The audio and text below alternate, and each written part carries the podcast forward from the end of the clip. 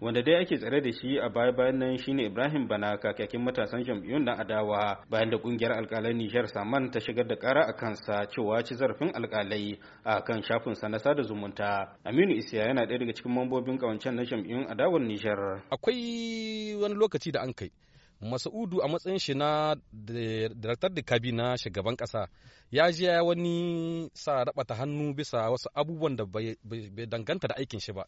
Ya je sa hannu bisa kuɗin da abin da aka ce ma a far iranim gate wadda aka amfani da sunan niger ana zargin shi ma da cewa ya ci miliyar 200 na harka wannan harka ta iranim gate.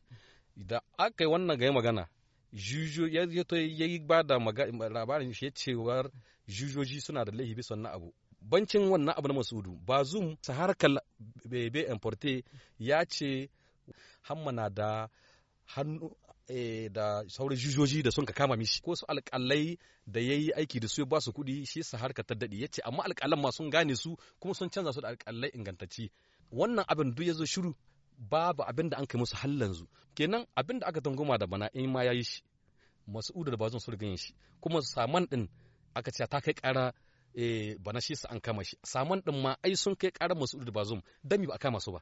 Da sai da ya ce wa Mani Muhammadu mamba jam'iyyar da ke kan karagar mulki ta NDS tarayya kame kamen na 'yan adawa baya da wata nasaba da bita da kullun siyasa magana ce da ta shafi shari'a. Wanda kaga an kira to ka tabbatar da akwai dalilin kiran da aka yi mashi. Ku ba PNDS lahiya. PNDS daban gwamnati daban. Sannan gwamnati daban shari'a daban.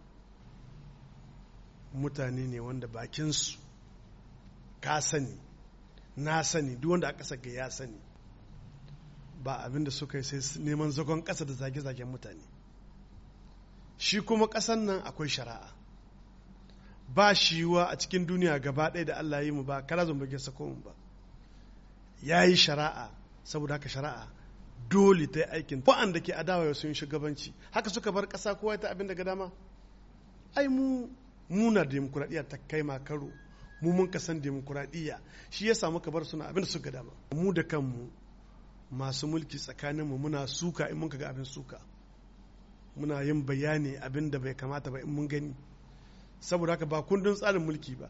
Mu muna cikin jam'iyya da ta san suka ta san mi ake ce ma critique auto critique jam'iyyar pendas saboda haka ba zancen suka ba ne. Bayan Ibrahim Bana ana kuma tsare da ɗaya daga cikin shugabannin ƙungiyoyin fararen hular Nishar Gamacin Muhammadu wanda shi ba ke zaman jana shari'a da kuma ake zargi da laifi makamancin na Ibrahim Bana. Sannan kuma wani labarin baya bayan ya nuna cewa ana tsare da shugaban jaridar Lekure Ali Sumana a ofishin jami'an 'yan sandar Feji wanda ake zargi da wallafa wasu bayanai da ake cikin gudanar da shari'a a kansu waɗanda kuma suka shafi shari'ar da ke tsakanin kamfanin Afrikar da Nishar.